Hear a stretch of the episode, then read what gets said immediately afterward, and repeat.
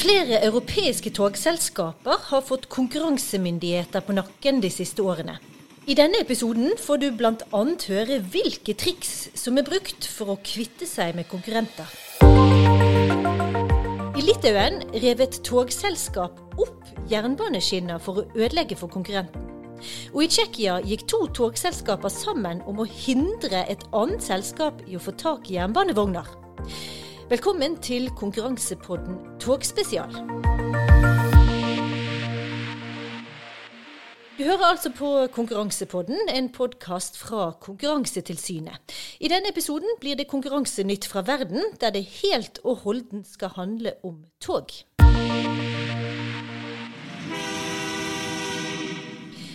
Og med dette tutet sier jeg velkommen til deg, økonom her i Konkurransetilsynet, Magnus Friis Reitan. Takk for det. Du, Det er juni og høysesong for interrail. Blant annet blir det noe togferie på deg i sommer? Det blir faktisk litt toging uh, rundt i Europa, så det blir spennende å se om det er god konkurranse der nede. Jeg er spent på hva du finner ut. Du, Snart skal vi ta toget sydover i retning Tyskland. Men Magnus, du har jo da satt deg inn i flere av sakene der EU-kommisjonen har varslet gebyrer for bruddet på konkurransereglene i jernbanesektoren. Og Hvilke saker og land har du tenkt å ta oss til i denne episoden? Ja, Vi skal til, til Litauen, som du nevnte innledningsvis. Vi skal til Tsjekkia, via Østerrike, opp i Tyskland og uh, inn i Belgia. Vi skal se på både samarbeidssaker og misbruk av dominerende stillingssaker. Og så skal vi til og med snakke litt om en, et, et uh, oppkjøpssak. Ja, Den blir den første saken vi skal snakke om. Men, men jeg bare lurer på, her i Norge hadde NSB monopol på all jernbanedrift i over 100 år. Og mange europeiske land har jo som Norge en lang tradisjon med statlig jernbanemonopol.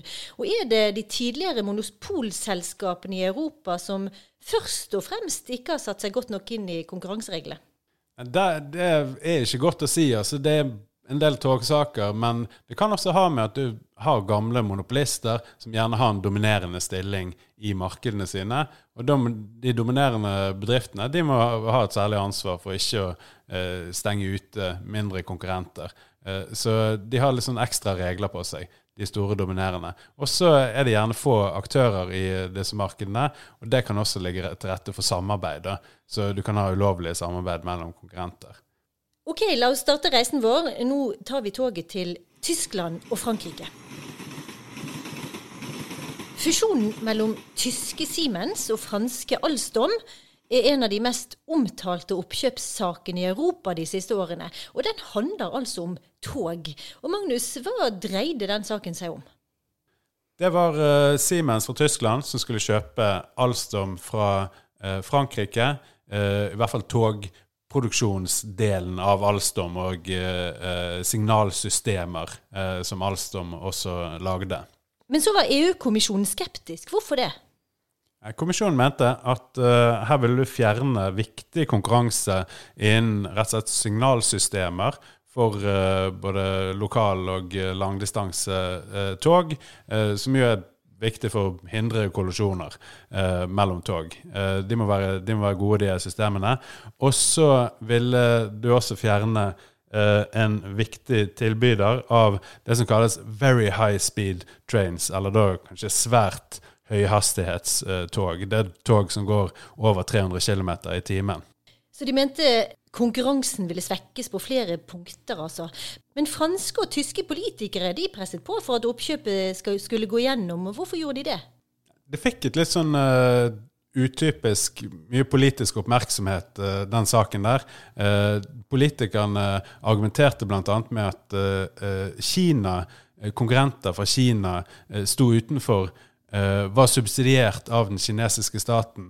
Og hvis uh, uh, Siemens og Alstom skulle klare seg i den konkurransen, så måtte de få lov til å slå seg sammen. Ja, hva sa kommisjonen til dette, da? Kommisjonen gjorde uh, vurderingen av oppkjøpet de på vanlig konkurransemessig grunnlag. Kommisjonen pekte bl.a. på at kinesiske tilbydere av signalsystemer ikke var til stede i EU i dag i det hele tatt, og ikke engang hadde prøvd å delta i anbud om signalsystemer. Uh, og heller ikke innen disse svært høyhastighetstogene uh, så ville mulig inntreden av kinesiske tilbydere gi konkurranse i overskuelig framtid. Så dette med Kina det overbeviste ikke kommisjonen, og de blokkerte oppkjøpet. Men så tilbød partene noen avhjelpende tiltak for å få gjennom fusjonen. Hva slags tiltak var dette? Man skulle selge ut deler av uh, virksomheten, men det ble både for uh, stykkevis og delt og for komplisert og for lite til at uh, kommisjonen godtok det. Så vanligvis så kan man jo godta, oppkjøp ved sånne utsalg av de mest konkurransebegrensede delene av virksomheten. men det følte ikke kommisjonen at man hadde blitt tilbudt i denne saken. Så konklusjonen her ble altså Siemens fikk ikke kjøpe Alstom. Nei, kommisjonen stoppet det. Uh, endelige vedtaket kom i februar 2019. Dette var en oppdatering av en av de mest omtalte togsakene i europeisk konkurranserett de siste årene. Nå skal vi ta toget til Tsjekkia. Stanice Praha hlavní nádraží do stanice Bratislava hlavná stanica. I Tsjekkia så har de, som i Norge, en lang tradisjon med statseid jernbaneselskap. Og Magnus, hva er det som er Tsjekkias svar på NSB? De heter Tsjeske Drahi.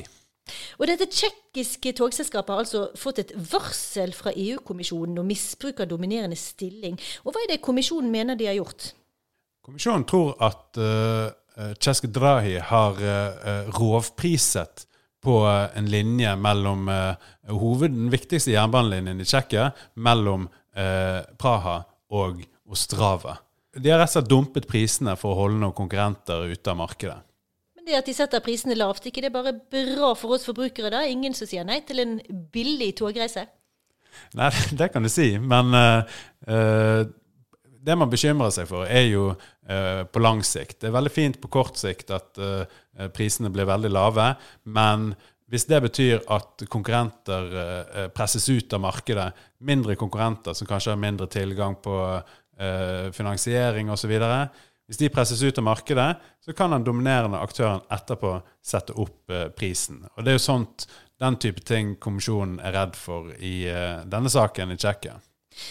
Kan du si mer om eh, hva kommisjonen eh, hadde å si om denne saken? Ja, altså Det var to konkurrenter, uh, Leo Express og RegioJet, som i uh, 2010 og 2011 var det vel etablerte seg på denne linjen mellom Praha og Ostrava, som er helt øst i, i Tsjekkia. og kommisjonen sier at de mistenker, og dette er et varsel, at uh, Cheske Drahi da uh, dumpet prisene uh, fordi at de følte at her ble det for mye uh, konkurranse, og dermed at de ville presse ut disse to nye konkurrentene på linjen. Men du, Det er jo lenge siden varselet fra kommisjonen kom i denne saken. Det var vel i oktober 2020. Vi må vel kanskje vente at det snart kommer et vedtak? Ja, Det skulle man vente, men her for et par uker siden så kom ikke et vedtak. Men det kom et varsel i en ny sak mot uh, Cheske Drahi. To saker mot dette tsjekkiske togselskapet, altså. Hva dreier den andre saken seg om? Det handler ikke om eh, misbruk av dominerende stilling, uh, men det handler likevel om å presse ute, uh, ut konkurrenter. Uh, og det er til og med den samme konkurrenten som man er redd for at blir presset ut, nemlig RegioJet. Uh, og det kommisjonen mistenker i denne nye saken, da, uh, som ble varslet nå i, i juni, det er at uh, Cheske Drahi samarbeidet med eh, det østerrikske tidligere jernbanemonopolisten ÖBB, eller Østerreisische eh, Bundesbanen, og eh, om å boikotte Regiojet sin tilgang til gamle jernbanevogner. Så du er Regiojet, du har lyst til å etablere deg innenfor jernbanelinjer i eh, i f.eks.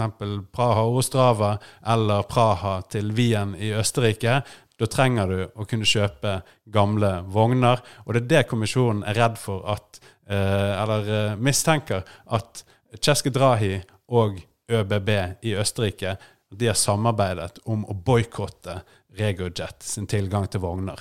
Jernbanevogner er vel hva man kan kalle en kritisk innsatsfaktor hvis man skal drive jernbaneselskap? Ja, du, må, du, må, nok ha vogner. Jeg vet ikke om en annen måte å, å, drive tog på. Så det er kanskje spørsmålet om ja, okay, kunne Regiojet få tak i andre eh, vogner andre steder osv. Det er sikkert sånn som eh, Cheske Drahi eh, vil komme med argumenter med nå, når de får svare på varselet fra kommisjonen. Hvordan stiller selskapet seg til denne siste anklagen, og hva er prosessen videre nå? Ja, de, de, som sagt så får de anledning til å Eh, til å svare på eh, anklagene fra, i varselet fra eh, kommisjonen. Og så får vi se om eh, kommisjonen da blir overbevist eh, av eh, de svarene, eller om det kommer et vedtak mot Ceske Drahi og ØBB i Østerrike. Vi toger videre i vår ferd gjennom Europa, og nettopp Østerrikes Bundesbanen har flere svin på skogen, mener EU-kommisjonen. Ja, det stemmer. Østerreichische uh, Bundesbanen. Det var et forsøk. Litt vanskelig å uttale. Ja, vi, vi, får kalle det for ÖBB fremover. Uh, ÖBB sammen med Deutsche Bahn, som er la oss kalle det Tysklands NSB, og uh, den tilsvarende i uh, Belgia, som jeg ikke engang skal prøve meg på å uttale. De tre fikk bot fra kommisjonen i april i fjor for ulovlig samarbeid. Hvilket marked eh, dreide dette seg om? Eh, det er godstransport. Eh, det kalles for blocktrains på engelsk. Og det er da sånne um, rekker med vogner som frakter f.eks. Uh, kjemikalier fra en kjemikaliefabrikk til en havn for videre transport, og så går fast da, på, den, eh, på, en sånn rute. Eh, og det er gjerne eh, store industrielle kunder og langvarige kontrakter. Men Kommisjonen slår altså fast at ØBB og Deutsche Bahn og, og, belgiske SNCB, som de heter, hadde delt kunder mellom seg. Hva konkret var det de hadde gjort? Det er litt komplisert uh, knyttet til hvordan sånne uh, blocktrain-kontrakter ser ut. Men i veldig korte trekk da, så hadde de uh, beskyttet hverandre sin rolle som leder i eh, sånne samarbeid som for så vidt er eh, OK om sånne blocktrain-kontrakter. og da hadde de delt informasjon med hverandre om kundeforespørsler, om å være sånn leder i disse blocktrain-samarbeidene. Uh, og uh, de lot være å by på det som da var hverandres kunder, i anførselstegn. Og de ga også sånn uh, fiktive dekkbud når en kunde kommer og spurte om å, å, få et bud på en kontrakt som leder. F.eks. sånn avtalt 2% eller 5% over vinnertilbudet. Det er jo ganske sleipt, vil man kunne si. Ja da, men selskapene innrømmet alt dette her. Men det at de innrømmet dette, det resulterte vel i høye gebyrer? Nei, altså for ØBB da, fra Østerrike så var eh, gebyret på null euro. Eh, og det var fordi at eh, de hadde søkt om eh, lempning. Dvs. Si, de hadde gått til eh, konkurransemyndighetene, til kommisjonen, og eh, innrømmet at de hadde deltatt i dette kartellet. Og da, etter reglene, Eh, så skal de slippe straff, så lenge de da gjør at eh, sant, kartellet av, eh, avsløres. Men de andre selskapene fikk jo også reduserte bøter, i alle fall. Hvorfor det?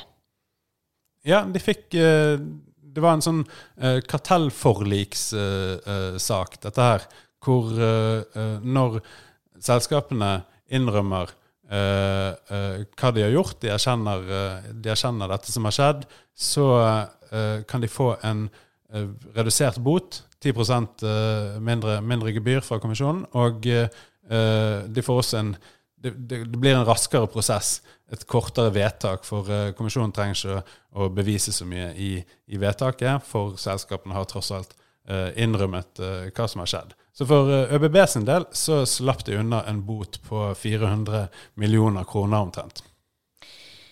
Det var Østerrike, Tyskland og Belgia, men nå skal vi ta turen østover igjen. Nå har vi kommet oss østover igjen, til Litauen. Og vi skal til en sak vi har omtalt i en tidligere episode av Konkurransepodden. Nemlig saken mot det vi kan kalle det litauiske NSB. Og nå er det nemlig kommet dom i den saken. Men først, Magnus, eh, kan du minne oss på hva saken egentlig gjaldt? Ja, det var, eh, som du sier, litauisk NSB, eller Lietuvos Geleshinkeljai, eller som vi kan kalle LG. Eh, de eh, hadde fått en bot for eh, misbruk av dominerende stilling, og det handler jo da typisk om store dominerende eh, bedrifter som presser ut mindre konkurrenter som prøver å skape konkurranse i markedet. Og LG de opplevde at uh, de fikk uh, konkurranse på én veldig bestemt uh, kontrakt fra et raffineri i Litauen og transport til havner i nabolandet Latvia.